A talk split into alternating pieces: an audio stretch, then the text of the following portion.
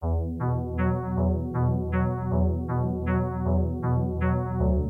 zorgen voor mijn kinderen en zorgen voor mijn job en mijn carrière. Ik heb daar keuzes in gemaakt met eigenlijk enorme consequenties. En daar kijk ik eigenlijk met heel veel spijt op terug. Ik ben Johan Terrein en samen met Randal Kazaar maak ik dit jaar een theatervoorstelling die tot onze grote spijt zal heten. En die gaat over, ja, dat laat zich al raden, over het gevoel spijt. En om een beetje onderzoek te doen naar dat vervelende gevoel dat we allemaal kennen, maar liefst niet te veel willen hebben, ga ik met mensen spreken. Mensen met een verhaal waar spijt een rol in speelt. En met die verhalen keer ik dan terug naar Randal om ze te bespreken en om te kijken of er inspiratie in zit voor onze voorstelling. Als je zelf een keer je verhaal wil doen in deze podcast, dat kan. Schrijf dan een beetje je verhaal neer en je spijtgevoel en stuur je bericht via mijn website johanterrein.com of via Instagram at johanterrein. Maar goed, vandaag zie ik Randal in zijn atelier in Gent, waar we al een tijdje samenkomen om te filosoferen over de voorstelling en te onderzoeken waar die over zal gaan.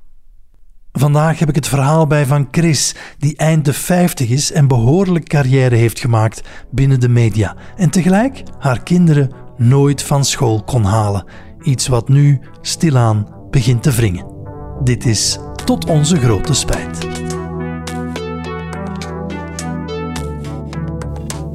Ik zit klaar voor je microfoon, Johan. Ja, het is misschien een beetje raar om zo onze werksessies te beginnen opnemen. Maar ehm, toen ik jou, ik herinner me toen ik jou ehm, een tijdje geleden belde. Een paar zomers geleden? Een zomer Is dat geleden? zo lang geleden? Anderhalve zomer geleden? Enfin, in elk geval, er is al wat tijd over gegaan. En ik zei van, eh Randal, zullen we geen voorstelling maken? Oh, Die, die gaat over spijt.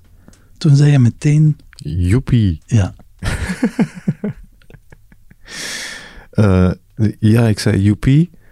Eh, niet per se omdat ik toen iets met spijt had, eh, maar omdat het mij onontgonnen terrein lijkt qua voorstellingen. En ik, en ik hou van de kwetsbare dingen. Van, de, van wat nog niet veel aangeraakt is. ja. Dat is inderdaad, ik heb, ik heb ook die voorliefde voor de meer kwetsbare thema's. Omdat ik zo diep van binnen wel met dat, met dat geloof zit van, het zou goed zijn als daar meer over gesproken werd. Eh, dat is iets wat we nood aan hebben, dat is iets wat ons verbindt als mensen.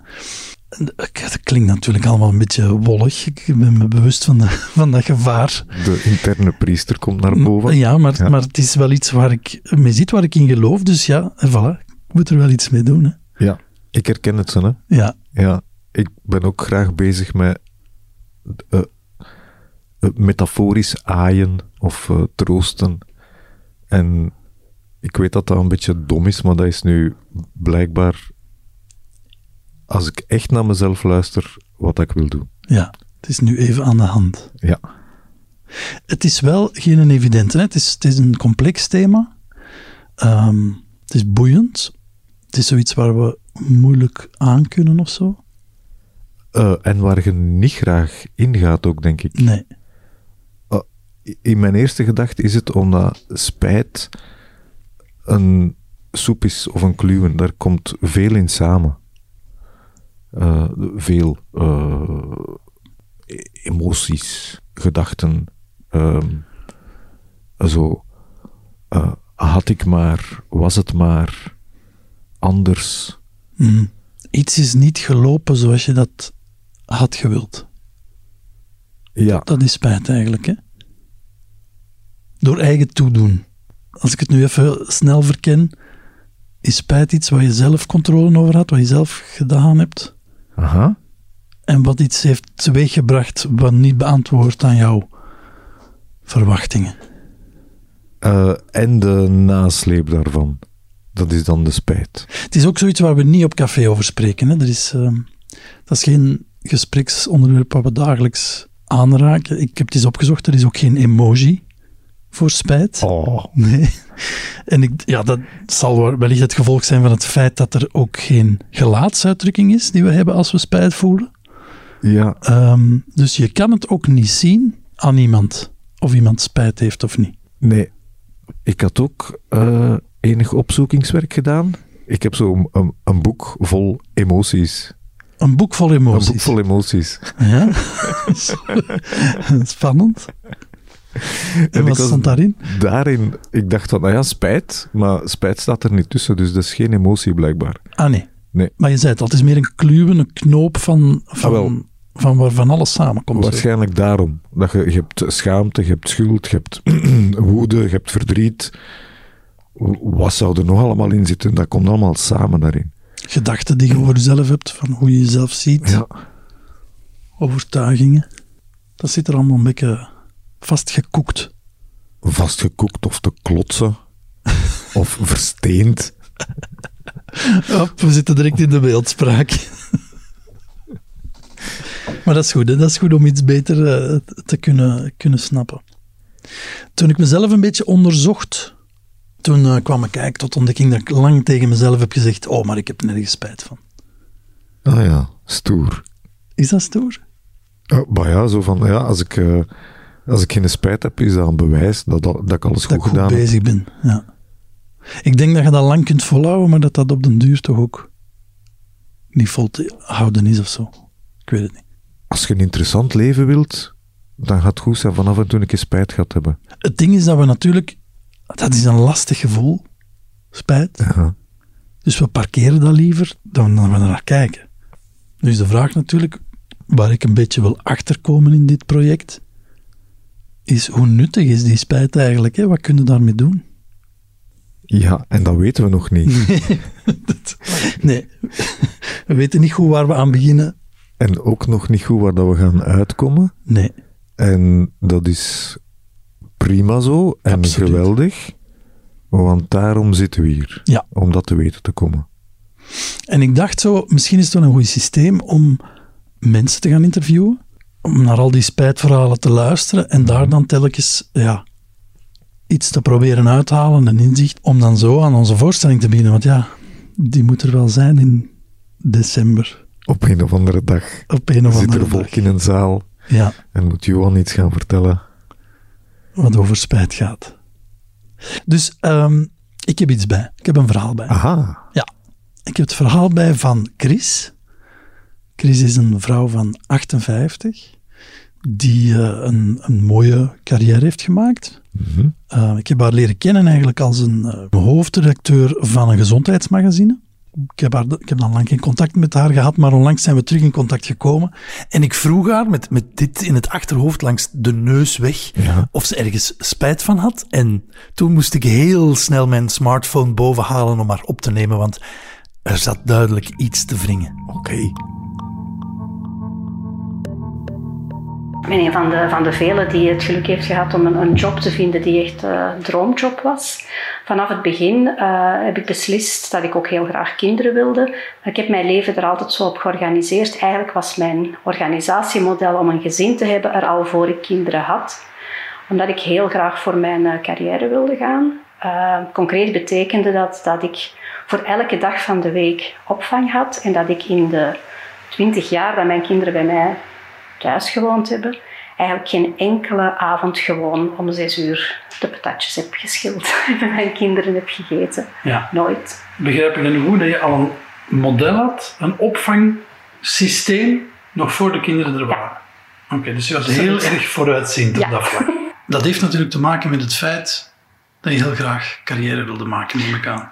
Ja, carrière, dat klinkt altijd zo van, van, van groeien en, en, en, en Ja, posities the sky is the innemen. limit klinkt dat altijd, Maar daar gaat het eigenlijk, daar is het eigenlijk nooit over gegaan. Het gaat erover van met passie je job doen en daar zo ver mogelijk in willen geraken. En daar ook alles voor willen Ja. opgeven of ja, de consequenties daarvan nemen. Ehm, Dan moeten we even weten wat je aan het doen was precies. Dus ik heb eh, in media gewerkt, uh, magazinemedia. En ik ben daar volgens het IKEA-principe eh, begonnen met de rekken te vullen, bij wijze van spreken, eindredactie. En dan gegroeid tot ja, alle stappen eigenlijk, van, van eh, redactiechef tot eh, adjunct hoofdredacteur, hoofdredacteur, uitgever, tot helemaal op het einde internationaal directeur in een media, grote mediagroep. Dat is behoorlijk wat. Waren er veel vrouwen in Nee, die het was eigenlijk een hele, een hele uh, rare situatie. Dus ik werkte wel in een mediabedrijf dat producten maakte voor vrouwen. Maar vanaf dat je echt op directieniveau kwam, of nog een niveau hoger, waren dat vooral mannen. Heel de constructie van, van meetings en van, van er zijn en, en niet naar uren kijken, zat sowieso in een redactiegevoel natuurlijk. Hè. Redacties hebben echt ook niet, niet de cultuur van om, om zes uur te stoppen. Maar het was vooral als je dat niveau hoger ging. Er werd nooit gevraagd of een, of een meeting die om zes uur s'avonds begon, of dat dat raar was. Dat was niet raar, dat was gewoon hoe het ging. Dat was voor niemand een probleem? Nee. Dus jij moest ook zorgen dat het Ja. voor jou geen probleem Ja. werd Ja. of was. Ik wou gewoon die keuzes niet moeten maken. Ik zag zoveel vrouwen daarmee struggelen. Van constant die keuzes te moeten maken. Ik heb die keuzes daarvoor eigenlijk gemaakt. En niet wat ik ook veel vrouwen heb zien doen. Door te zeggen van ik ga dan zonder kinderen voort. Ik wilde absoluut kinderen. Ik heb ook een hele goede band met mijn kinderen.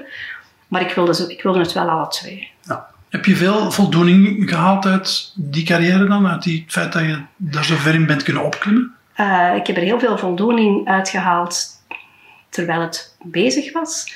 Ehm, maar dus het woord spijt, als ik erop terugkijk, heb ik heel veel spijt dat ik er alles voor heb laten liggen. Omdat het een heel harde wereld is en omdat, zoals dat dan gaat, ja, je eigenlijk je eigen wijs maakt dat jij de persoon bent die het verschil maakt, terwijl dat je eigenlijk, zeker in die mediawereld, makkelijk inwisselbaar bent. Ja.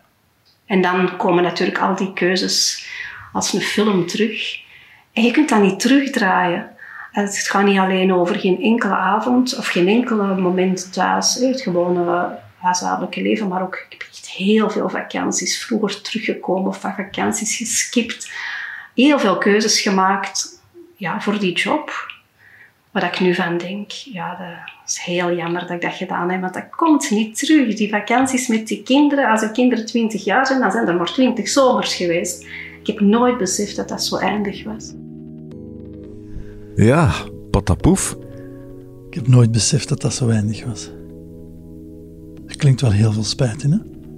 Wat ik me onderweg aan het afvragen was, was van, ja, wie heb je gediend? Wie heb je gediend? Wie heb je gediend? Dus ze heeft ehm, iets in zichzelf gediend. Eh, een of ander ding dat ze moest bewijzen of wou bewijzen. Een soort missiegevoel dat volbracht moest worden. Ja, Om zo te tonen van, als vrouw, ik heb iets te vertellen. ik heb iets te vertellen. Dat is één ding dat ze gediend heeft. Maar aan de andere kant heeft ze ook ehm, aandeelhouders gediend. Ah ja, op die manier. Ja. Dat heeft ze nu niet verteld, maar op een bepaald moment is dat verhaal met haar carrière natuurlijk ook ergens opgehouden. Mhm. En kwam dat eh, besef natuurlijk ook dubbel zwaard binnen. Eh, dat ze structuren had gediend die, ja, die ook buiten haarzelf staan. Hè. Terwijl misschien het allerbelangrijkste die kinderen thuis waren. Ja, Dat is natuurlijk ook een beetje een eigen aan succes. Hè. Dat is dat je blijft voeden wat je positieve feedback geeft. Ja, ja, een gevaarlijke meester. Succes. Succes is een gevaarlijke meester. ja, dat is waar. Het is natuurlijk zo, hij is een genoot van het werk op zich. Hè. Het is iemand die altijd heel eh, gepassioneerd heeft gewerkt en nog altijd zo doet. Zo klinkt dat, ja. Maar ja, dat succesding, dan... Je ziet mensen die succes hebben soms ook verdwalen. Hè. Je vergeet jezelf gemakkelijk, hè? Ja. Ehm, dat ga je ook al meegemaakt hebben. Ik heb dat ook al meegemaakt. Zeker, ja, ja. Ik herinner mij ook heel bewust eh, dat ik op een bepaald moment een knop heb omgedraaid in mijn kop. En dat ik tegen mezelf heb gezegd, succes is iets wat je jezelf toekent en niet iets wat je van anderen moet krijgen. Oh, En dat was wel een, mindchanger of zo. Dat, dat is een, een grote knop. Een belangrijke knop ook. een belangrijke knop, omdat dat jezelf toestaat om, om, wanneer je vindt dat je iets goed hebt gedaan, dat het je toestaat om dat succesgevoel te ervaren. Ja, binnen eigen controle. Ja, Als je, een, als je een poppetje bent die naar iemand anders zijn pijpen moet dansen. Wat een uitdrukking heb ik nu gemaakt. En als, ja, ja, ja, maar dus ja, als je een poppetje bent die, die naar iemand anders zijn pijpen kan dansen, ehm, en je danst goed, ja, dan blijf je naar die pijpen dansen. ja. Allee, de, het gevaar bestaat. Ja. Ja, dat je honger krijgt naar die bevestiging. Hè? ja. En Dat- dus wat dat jij zegt is, ik heb dat binnen mijn eigen controle gehaald. Ja, omdat ik ook op een bepaald moment zo vast ben gelopen. Hè. Als ik nog televisie aan het maken was, dan kwam ik zo in een parcours terecht van oké, en wat is nu het volgende? En wat kan ik nog? En binnen datzelfde systeem. Dus je bent veel minder bezig met, of ik was veel minder bezig met uh, wat is hetgeen dat ik kan vertellen? Ja. Wat is de connectie met, met mij? Die was ik eigenlijk op een bepaald moment kwijtgespeeld. Waardoor er een soort vervelend, gefrustreerd gevoel overbleef. Zo van. En die bevestiging ontbrak dan. Ja. En, en was dat toen dat jij in drank en drugs bent, gevlogen, Johan? Heel erg. Um, nee, maar ik herinner mij wel, dat, dat, dat, was, een, dat was wel een bepalend moment, zo ja. Dat was de... Het is nu niet het verhaal van Chris, hè. dat is... Uh, Chris was, uh, was op een spoor en had daar een goed systeem voor. En dat werkte allemaal. Ja, verbaast me niet. Ze klinkt als een uh, georganiseerde dame. Ja, en het was ook niet per se om hoger op die ladder te komen. Het was meer om de dingen gerealiseerd te krijgen die ze die wou, zij wou doen. Ja. doen. Ja. En daar had ze dan die structuur voor nodig of zo. Nu, de eerstvolgende vraag die, zich, die ik mij stelde was: Hebben uw kinderen dat eigenlijk zo ervaren? Hebben die daar last van gehad? En omdat Chris uiteraard in hart en nieren een goede journalist is, stelt ze zichzelf die vraag. Nu, het, het, het rare is, want dat dan de vraag die direct volgt, hebben uw kinderen daar last van gehad? En ik probeer dat wel met hen, ik heb al verschillende keren ter sprake gebracht. En zij zeggen, helemaal niet. Dat was hoe ons gezin uh, was. We hebben nu niet gemist, er waren andere dingen. We hebben andere dingen ook kunnen doen, want het is wel zo dat natuurlijk doordat je zo'n carrière maakt, dat er ook leuke dingen gebeuren, waar je kinderen ook deel van uitmaken dat je kinderen nu ook bezig zien. Ehm, en dat mijn kinderen allebei ook wel gekozen hebben voor iets te doen wat ze met passie doen. Maar ja, vooral mijn oudste dochter, die nu twee kindjes heeft, die heeft wel heel duidelijk gekozen om wel om vier uur thuis te zijn. En dat is ook dat is heel confronterend om dat nu te zien. Hoe dat ze dat, dat model echt, zij zoekt dat echt. Zij is elke dag om vier uur thuis met haar kindjes. Wat ik echt nooit gedaan heb. En dat is voor jou heel confronterend om dat te zien. Ja. Om te zien dat het kan. Ja, ik, ik, ik heb ook geprobeerd, want dat is dan ook een vraag die heel veel, vaak gesteld wordt van, ben je dan zelf iemand geweest die dat aan uw team oplegde? Uh, ik heb dat nooit opgelegd. Ik denk dat er in mijn teams bijna nooit iemand fulltime werkte. Dus de meeste vroegen uh, parttime of, of uh, vier vijfde. Dat is altijd oké. Maar ze zagen, ze zagen mij natuurlijk er wel altijd zijn. Dus op die manier ben ik, heb ik wel een rolmodel van als je kiest voor je carrière, dan ben je hier. Wat ik nu helemaal anders zie. Ik denk dat je moet gaan voor ja, toch de, de meest getalenteerde en niet de meest aanwezige persoon. Ik denk dat jonge mensen nu uh, het ook niet meer zouden pikken. Als ik, als ik de jonge generatie nu hoor, die maken gewoon per definitie andere keuzes. En ik zou ook helemaal geen rolmodel zijn. Ik zou iemand zijn waar dat ze zelfs ja, zich zouden tegenaf zitten. Dat, dat, dat is niet de juiste manier om, om carrière te maken, om alles daarvoor opzij te zetten. Maar wat je nu aan het doen bent, is natuurlijk de tijd van toen en de tijd van nu Ja. op elkaar plakken. Ja, Het was een andere tijd. ja. ja en de wel keuzes die je toen maakte, werden gemaakt in een ander kader. Ja, is zo. Ja. Je kunt natuurlijk, dat is, dat is spijt, hè? dat is het begrip van spijt, van denken van, had ik het anders moeten doen en als ik het anders had gedaan, wat dat het dan betekent, had, had ik dan die carrière niet gehad. En dan zou ik misschien daar spijt van gehad hebben. Uh, maar ik heb nu wel, ik heb vooral spijt van tijd die voorbij is en niet meer terugkomt en die ik op geen enkele manier kan terughalen. Heb je het op het moment zelf gemist? Nee. Ja, ik vond dat zo normaal. Ik vond dat, ook, ik vond dat eigenlijk ook goed dat ik dat alles geregeld had. Nu, voor alle duidelijkheid, mijn kinderen hadden elke dag iemand die voor hen zorgde, iemand van de familie, en die vonden dat bijzonder fijn. Uh, maar ik was er niet. Meestal waren de, de portiers en de nachtwakers degene die mij altijd kenden, omdat ik altijd bezig bleef. Ja. Maar ook vanuit graag doen. Hè? Want wordt echt vaak gezegd, zo'n begrip van, van carrière, van macht. Het was meer van, ik deed dat zo graag. ja, het was echt vanuit Ja. goesting. Ja, Ja. Maar je komt wel op dat directieniveau terecht, waar alleen maar mannen zijn. toch veel. En, en ook vrouwen, maar dan vrouwen die eerder, die, die net als ik ervoor kozen om alles ervoor te laten vallen. Ja. Het is niet dat wij dat Maar- in vraag hebben gesteld. Nee, je hebt het niet in vraag gesteld. Voelde het bijzonder op een of andere manier? Het voelde, het voelde bijzonder om deel uit te maken van zo'n directiecomité, alsof dat, dat het hoogste was. En jaren later denkt je ook van, wat een waanidee, want zo bijzonder is dat ook helemaal niet. Nee. Alles wordt relatief natuurlijk. Ja. Ik vind, vind echt dat ik daar fout in ben geweest. Dat ik, daar, dat ik, ik vind dat ik daar harder mijn best voor had moeten doen om, om, om een ander model te vinden of om toch... Zit daar een verwijt naar jezelf toe? Ja, het, vooral, het, vooral het verwijt van dat ik niet... Dat ik, ik, heb, ik heb magazines gemaakt over uh, opvoeding, over je goed voelen in je gezin, in die rol. Ik heb zoveel artikels daarover geschreven. De, de vrouwenmedia gaat daar heel de tijd over. En ik vind van mezelf echt dat ik daar een blind spot voor heb. Dat ik dat gewoon ja. niet gezien heb, dat ik dat zelf niet aan het doen was. En ik was heel erg overtuigd van mijn gelijk. Dus daar heb ik, daar heb ik echt, vind ik echt, ja, echt spijt van dat ik daar niet meer heb bij stilgestaan. Dat, dat hoor ik je vaak zeggen nu. Dat het inzicht er niet was. Ja. ja. Ik was er zo hard mee bezig met Ja. die thematiek. Ja, ik was echt zeker dat ik gelijk had. Dat dat een goede manier was om te leven. Wat jij eigenlijk zegt, ik heb het toen niet zo hard gemist. En mijn kinderen hebben het ook niet zo hard gemist, Zeggen ze. zeggen ze. Maar ze doen, ze doen het wel anders. Dus Ja, het is niet dat ze het hebben maar overgenomen. we leven, hè, we kunnen niet de tijd nee, van toen op nu plakken. waar, dus dus, dus als, je, als je zegt, oké, toen hebben ze het niet gemist, heb ik het niet gemist. Waar zit dan het gemis? Nu? nu dat, het, dat ik, ja... Ehm, ja, nu zie ik kinderen naar school gaan en ouders kinderen afhalen. En ik ken dat allemaal niet. Ik heb dat allemaal nooit gedaan. Het is dus uh, echt recente spijt, hè, want Verse spijt. er was geen gemis toen, langs beide kanten. Ook al gelooft ze dat niet helemaal van haar kinderen precies, maar, hè.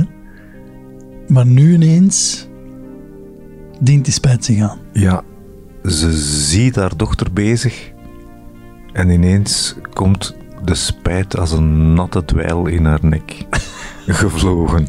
Ze ziet haar dochters anders bezig en erkent daarvan hoe waardevol dat, dat is. En Ja, ja, ja, ja, ja. voelt plots het gemis. Hè? Ja. Ja, ja, ja. Ze ziet kwaliteiten die ze gemist heeft. ja. Ja, het had anders kunnen zijn. Het is natuurlijk zo als je keuzes maakt in het leven, dat je ook andere keuzes niet maakt en dat je dus sowieso iets mist. Eh, ja, en, en je kunt niet anders. Maar ze snapt nu ineens dat, dat, dat zij die dingen dan wel heel belangrijk vindt, precies. En dat had ze nog niet door. Dat is nieuwe informatie Ja. voor haar. Hè? Ja. Het is natuurlijk een beetje confronterend ook, hè? dat je vrouwenbladen schrijft, dat je midden in die informatie zit, dat je schrijft over het combineren van werk en gezin en dat je desondanks moet zeggen, hoe komt het dat ik dat inzicht niet heb gehad? Ja, dat vind ik niet zo raar eigenlijk. Nee, ik merk bij mezelf dat de, de, de boodschappen die ik met het meeste vuur verkoop, dat dat eigenlijk dingen zijn die, waar ik beter zelf dieper zou naar luisteren, die ik tegen mezelf moet zeggen eigenlijk. Ah ja, dus eigenlijk verkondig je boodschappen naar de buitenwereld voor jezelf. Ja, ik denk, en ik denk de meeste mensen. Ja? De meeste, meeste mensen die het gevoel hebben dat ze boodschappen moeten verkopen, Wij dus, ja. spreken tegen zichzelf. Oké. Maar ze vindt wel echt dat ze fout geweest is, hè? Dat is spijtig, hè? Ja, dat is op zich jammer, vind ik. Want je kunt niet fout zijn. Ze, ze wist het niet. Ze heeft het ook een paar keer gezegd dat ze het niet zag. Nee. En dus het is spijtig van uw jongere of uw vroegere zelf dan fout te moeten vinden. Hoe dat ze het nu ziet, is dat inderdaad objectief fout. Allee, ze, zou, ze zou het niet gedaan hebben met, met haar mindset van nu. Maar ze had die mindset niet, dus je kunt dat... Oh ja, het is spijtig als je het jezelf dan kwalijk neemt. Maar ja, dat is natuurlijk met spijt. Plakt er van alles aan elkaar, hè, en dus kwalijk nemen zit daar, zit daar zit in. erbij? Ja. dat zelfverwijt zit er Ja. altijd in. Hè? Ik vroeg me natuurlijk af, zou ze het met de kennis van nu nog eens herdoen op dezelfde manier? Nu zijn er kleinkinderen. Ik sta ook niet aan die schoolpoort, want mijn dochter is daar zelf. Ehm, ja. Ehm, Je bent dan niet nodig. Ja. nee, echt niet.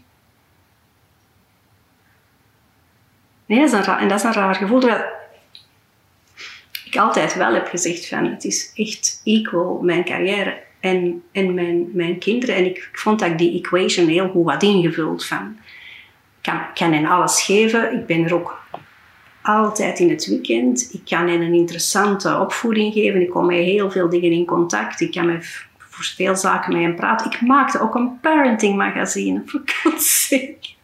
Ik was echt ook altijd bezig met van naar welke, welke theaterstukken moeten kinderen gaan, welke boeken zijn goed om te lezen, uh, wat zijn leuke restaurants om met kinderen naartoe te gaan. Maar ik vergat helemaal dat ik er zelf voor mezelf niet mee bezig was. Je zegt zelf allemaal interessante topics waarmee je bezig was, rijk, een rijkdom. Mhm. Die veeg je nu wel even allemaal onder de mat. Ja, maar als nu zo, zo de vraag zou zijn, hè, if you had a magic one, hè, als je dus terug in de tijd en je zegt, oké Chris, je kunt terugkiezen. Uh, ik weet niet of dat ik het dan toch niet toch hetzelfde zou doen. Interesting. Ik zou er wel niet zo lichtzinnig niet meer, of ik zou, ook, ik zou er niet zo overtuigd van mijn eigen gelijk. Als ik dus een magic one, als ik terug zou kunnen kijken, zou ik er wel veel meer over nadenken. En tenminste één van de vijf dagen thuis zijn. Dus de keuze op zich De was keuze- niet verkeerd. dat verschil wil ik eigenlijk altijd nog wel, zou ik nog altijd wel willen maken. Ik denk dat het niet zo slim zou zijn of niet zou werken, dat ik zou zeggen, dat doen we niet meer. Ehm, maar ik zou er wel waarschijnlijk evenwichtiger proberen een meer evenwicht in te vinden. En even met terugwerkende kracht, zou dat mogelijk zijn geweest? Binnen de cultuur. We'll die never toen know. Ik heb, er niet voor, ik heb er niet voor gevochten. Ik Nee. heb voor dat stuk niet gevochten. Nooit. Maar waarom zou je voor iets vechten als je iets niet aan het missen bent? Als je ervan overtuigd bent dat het een goed systeem is? Dat is waar. Dat is waar. Waarom vecht je dan voor iets? Ja, omdat, ja, dat was waarschijnlijk, als ik er beter had over nagedacht, dat er toch nog een beter evenwicht in het leven te vinden is. Zoveel jaar later, als je terugblikt op wat is een carrière, wat is fulfillment in het leven en wat is er voor je kinderen zijn. Zoveel jaar later lijkt dat precies in een andere balans te, gaan. Dat, die kinderen toch wel eigenlijk belangrijker zijn. Dus ja, ze heeft dat goed gepland Absoluut. voor, voor de carrière, voor haar kinderen. Eh, maar wie zit daartussen? Zij als moedermens. Als moedermens, Dus, ja. dus eh, de, de eh, wacht hè, zij als organisator van het gezin heeft, voor, heeft de kinderen geen tekort gedaan, denk Nee. ik. Maar dus zij voor haarzelf Als moeder als moeder, Mens. ja, als moedermens. Heeft zichzelf daar wat tekort gedaan. Ja, Ze is kwaad op zichzelf, veel tijd hoor ik. Hè. Ze is zo... Ik had beter moeten weten. ja, maar ja, je wist het niet beter, hè? Nee. Je wist het niet En dat is beter. een stuk dat je moet aanvaarden of zo. Of, Ze voelt het wel heel helder, de kwaliteiten die ze gemist heeft. Hmm. Ja, Ja, die zijn nu heel, heel prominent. scherp. En ik denk dat dat mag ook. Ehm, ja. Maar stel dat Chris elke dag aan de schoolpoort had gestaan. Hoe zou, hoe zou dat geweest zijn? Ja, dat is niet te zeggen, hè, want wa- wat zei ze dan nu? De, nu kan ze niet voor de kleinkinderen aan de schoolpoort, want de die mama doet dat het. Ja. Ja, Maar ja, wie weet dat ze dat super vervelend gevonden hè? ja, waarschijnlijk. Ik denk dat echt. Ik denk dat hij zou denken, wat sta ik hier te doen? Ik moet dingen aan de wereld vertellen. Ja. En dan zo, ah, kom, rap terug naar huis. En dan die kinderen met een, met een zenuwachtige moeder. En daar dan trauma's van. Ja, voilà. Dat is het ook niet, hè. Nee, dan heb je liever een bomma en een bompa die een beetje met u schaken en dammen. Oh, ah ja, schaken en dammen, was dat wat niet, dat... ik weet niet wat bomma's en bompas doen in de opvang. Ja, ik denk wel, dat, voor kinderen maakt dat eigenlijk niet uit, hè, als, er, als er goed gezorgd wordt. En ik denk dat bommas en bompas zeer goed kunnen zorgen, omdat die minder met hun carrière bezig zijn ook. Minder zenuwen hebben en minder gehaast zijn. Ja, en alles al een keer gedaan hebben. De vraag die ik me natuurlijk stelde was, aangezien het recente spijt is, vanaf wanneer is dat daar? Ah, dat besef is er eigenlijk gekomen als mijn gezin uiteen is gevallen. Typisch, dat is dan natuurlijk gebeurd, een echtscheiding. En dat dat niet meer vanzelfsprekend was. Dus een, een opeenvolging van echtscheiding. En, en dan, ik vond dat zo lachwekkend vroeger, empty nest. Ik vond dat echt iets voor me te lachen. Ik vond dat, iets, vond dat echt belachelijk. Totdat het dan gebeurde. en uh, ik heel hard besefte van, ja, hoe onzorgvuldig ik met die tijd en die relatie met mijn kinderen ben omgegaan de jaren ervoor. Toen kwam het gemis binnen. Ja, ja. Spijt draait altijd rond iets wat je wil herstellen. Ja. Is in deze een vorm van herstel mogelijk? Ja, ik, ik, ik dacht, uh, oké, okay, het is goed dat we dit nu weten, dus laat ik vooral door dan nu voor mijn kinderen zijn, wat ik ook echt probeer. Ik heb een, heel, een hele goede band met mijn twee dochters. En laat ik er vooral dan voor de, voor de kleinkinderen zijn. Maar ja, omdat dan mijn dochter de keuze maakt om heel veel thuis te zijn, is dat niet zo hard nodig. Dus kan ik dat eigenlijk ook niet. Plus, ze wonen ook helemaal niet, uh, niet dichtbij. Dus dat was eigenlijk een soort herstel dat ik, dat ik in, mijn, in mijn hoofd had. Um, en wat hard werken betreft, daar maak ik nog altijd dezelfde fout. Nu zijn er natuurlijk helemaal geen remmen. Ik, ik leef alleen, dus ik werk alleen en ik kan tot middernacht werken. Hinder ik niemand mee. Dus eigenlijk is dat inzicht er nog altijd niet genoeg gekomen. Waarschijnlijk heb ik dan binnen tien jaar daar weer spijt van. Dus je zegt, eigenlijk doe ik nog altijd hetzelfde als wat ik toen deed, namelijk hard werken. werken ja. Omdat ik er zoveel voldoening uit haal. Ja, omdat dat zelfs, zelfs, en dat is zelfs heel hard aangekomen, um, dat werk, uw identiteit is, dat wat dat je doet als job, dat dat is wie dat je bent. Terwijl dat eigenlijk natuurlijk niet waar is. Je bent zoveel andere dingen. En je bent daar een beetje blind voor. En wanneer is dat besef gekomen? Op, op het moment dat dus die andere dingen niet meer zo vanzelfsprekend waren. Vrouw van, moeder van, een gezin. Die al, al die rollen. Ik dacht ook, ik heb die. Ik heb die ook. Tof, ik combineer hier alles. Die waren ineens weg. Dat is echt waar. Of althans tijdelijk weg was. In echtscheiding. Natuurlijk zijn de kinderen opeens de helft van de tijd niet meer bij u. Maar je blijft wel een moeder. Ja, maar toch, je bent ook een heel stuk niet meer... Je bent niet meer degene die... Ja, dat is heel zot, hè. Ineens denk je dan, ik ben dus niet meer de moeder die voor het eten zorgt s'avonds. Maar ik heb het nooit gedaan. En dan wou ik dat ineens wel zijn. Maar ja, ze waren er niet meer.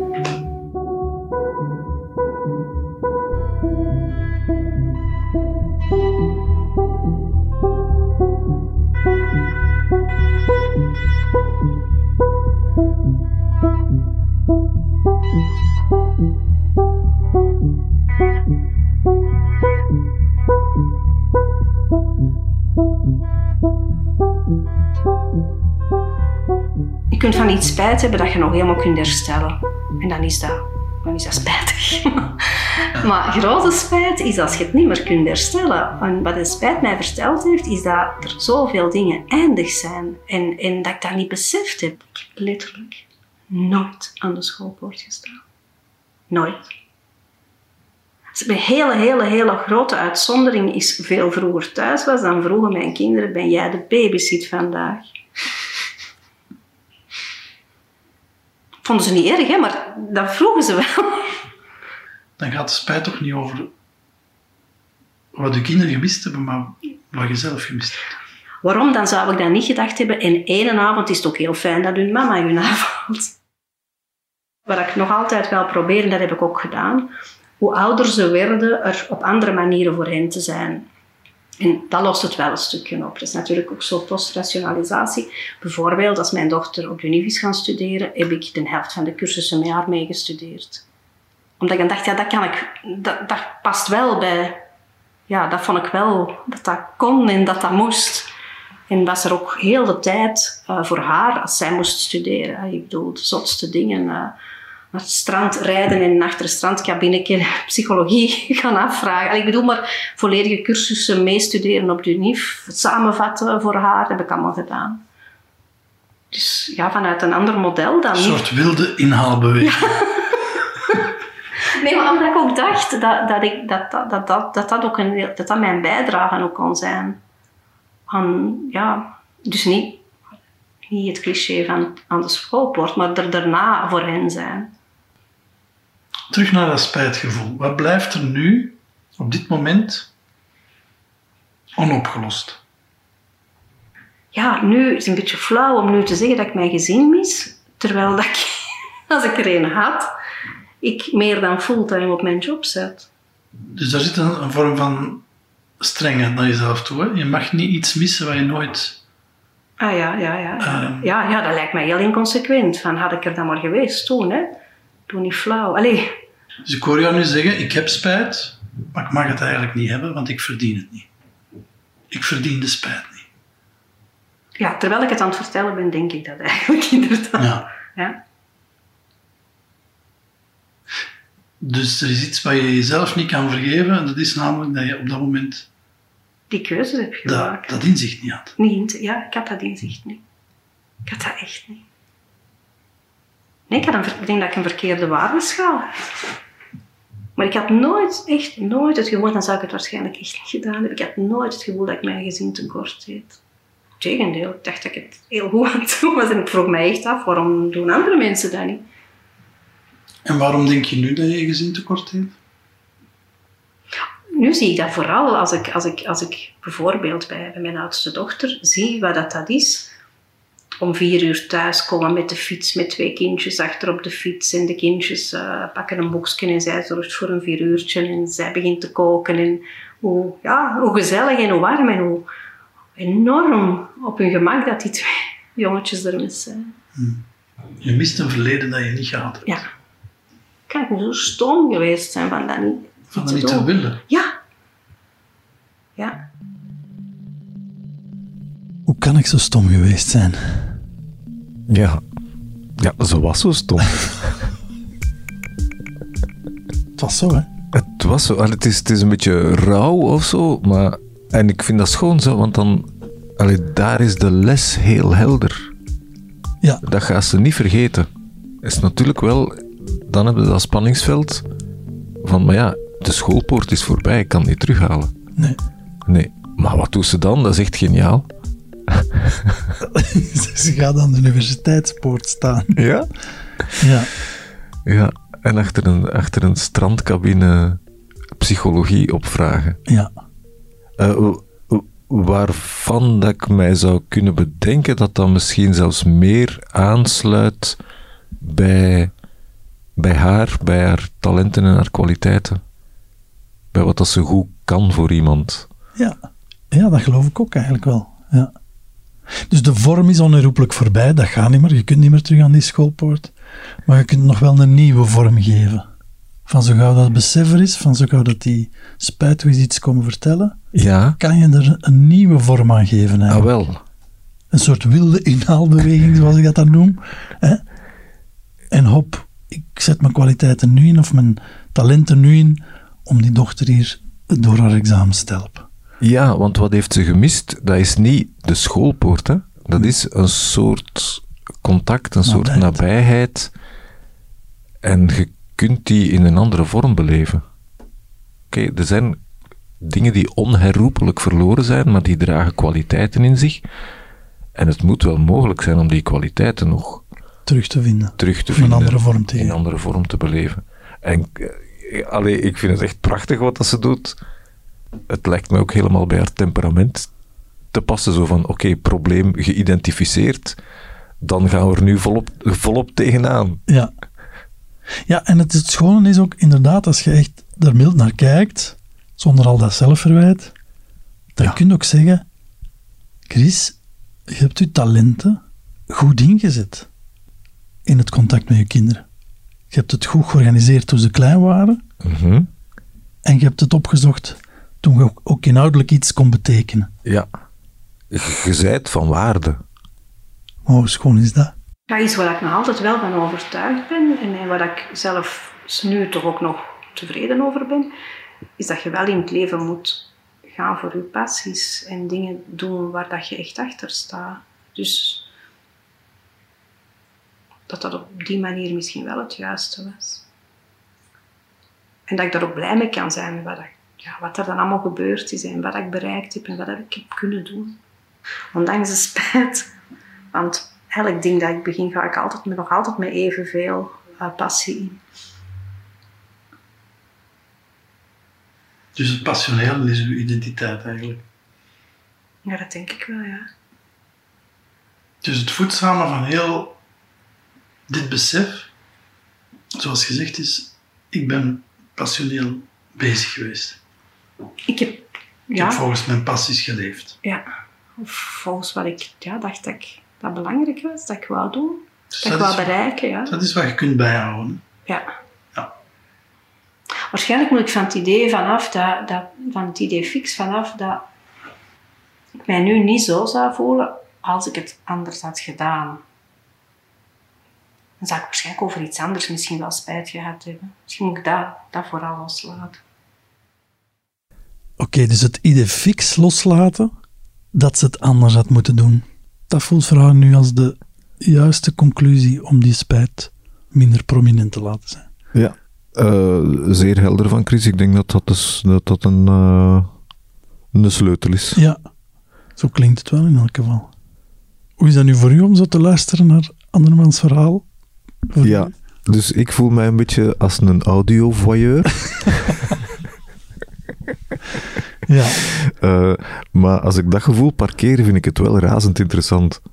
Je hebt nog zo verhalen, of er komen er nog zo aan. Er komen er nog, Ik denk ja. dat we daar veel gaan uit leren. ik ben vooral altijd heel dankbaar als mensen zo'n verhaal willen delen. Ja. Klinkt misschien raar, maar dat, dat is leerzaam voor ons als mensen om andermans verhalen te horen, onszelf daarin te herkennen, of stukjes te herkennen. Het helpt voor iedereen. Ja, dus ik, ik weet nu na dit verhaal dat ik niet voor een stoel op de beheerraad moet gaan zitten. Maar dat zie ik ook nooit niet doen. Ik heb geleerd dat wat je ook doet als de kinderen klein zijn, dat je nog altijd aan de universiteitspoort kan gaan staan. Ah nee, maar ik heb dat nu met, met mijn oudste dochter, heb ik dat onlangs ook gedaan, samen met haar gestudeerd. Ja? En dat is een bijzondere vorm van contact. Ja, ik was, ik was ook blij en dankbaar dat ik dat kon doen. Ah ja. Eh, en dat ging mij ook beter af dan staan kokerellen. Of pampertjes vervangen. Pampertjes vervangen, dat was geen probleem. Maar eten maken altijd. Oh, dat Oh. eten maken ook altijd. Hè. Pardon. Ik heb er een rommeltje van gekregen. Dit ontspoort. Maar goed. Dit was, tot mijn grote spijt, tot onze grote spijt, een bijeengebabbeld onderzoek naar het gevoel spijt. Wat het in ons leven komt doen en wat je ermee aanvangt om ervoor te zorgen dat het niet blijft hangen. Als je deze podcast wil blijven volgen, abonneer je dan. Ken je mensen die dit ook wel leuk zouden kunnen vinden om te beluisteren? Wel, deel het met die mensen. En als je deel wil uitmaken van dit project met jouw verhaal, stuur dan een bericht via het contactformulier op johanterrein.com.